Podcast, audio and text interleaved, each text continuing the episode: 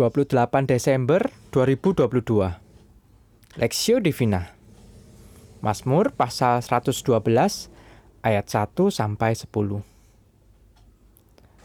Haleluya. Berbahagialah orang yang takut akan Tuhan yang sangat suka kepada segala perintahnya. Anak cucunya akan perkasa di bumi. Angkatan orang benar akan diberkati harta dan kekayaan ada dalam rumahnya. Kebajikannya tetap untuk selamanya.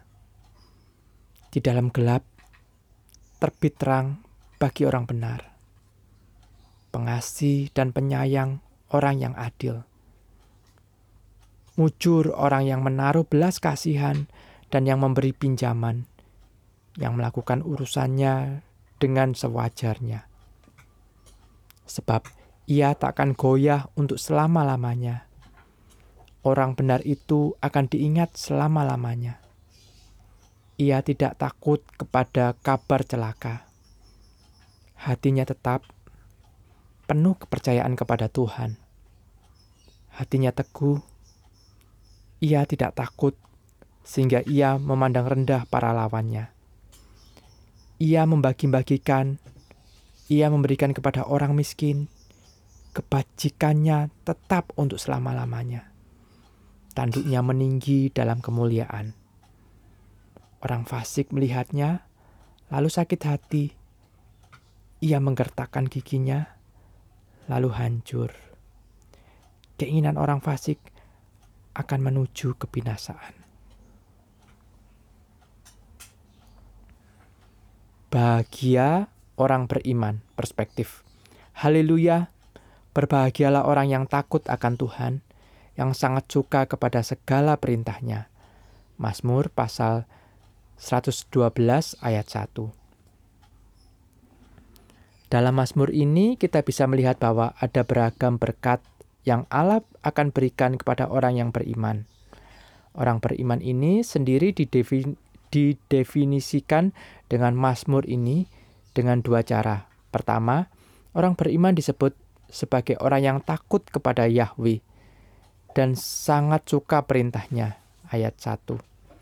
Kepada mereka, Allah berjanji akan memberikannya anak cucu yang perkasa dan kekayaan serta kebaikan kepadanya.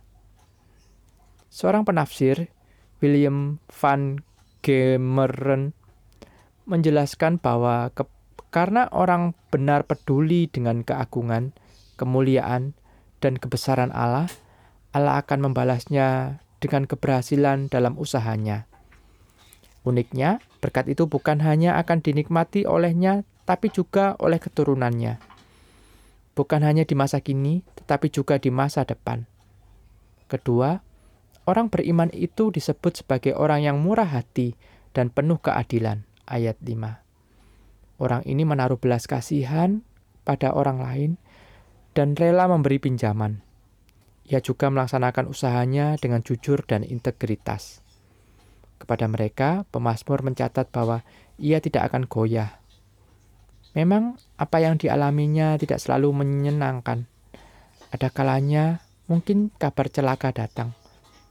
Meski demikian, ia menghadapinya dengan penuh damai karena ia punya hati yang percaya pada kedaulatan dan perlindungan Allah.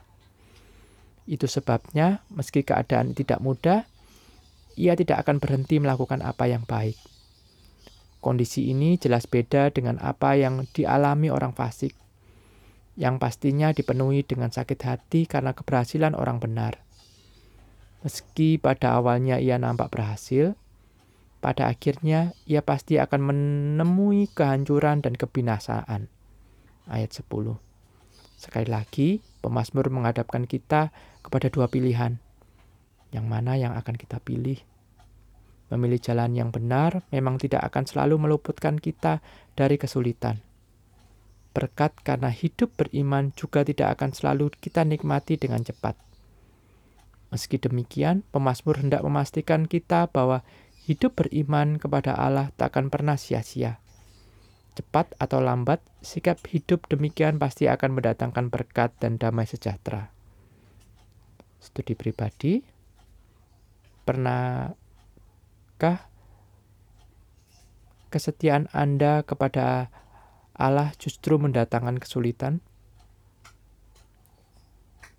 Apakah yang mendorong Anda untuk tetap setia pada Allah? Pokok doa, doakan agar anak-anak Tuhan tetap setia melakukan apa yang benar dan penuh kasih, terlepas kesulitan yang akan dihadapi karena pilihan itu.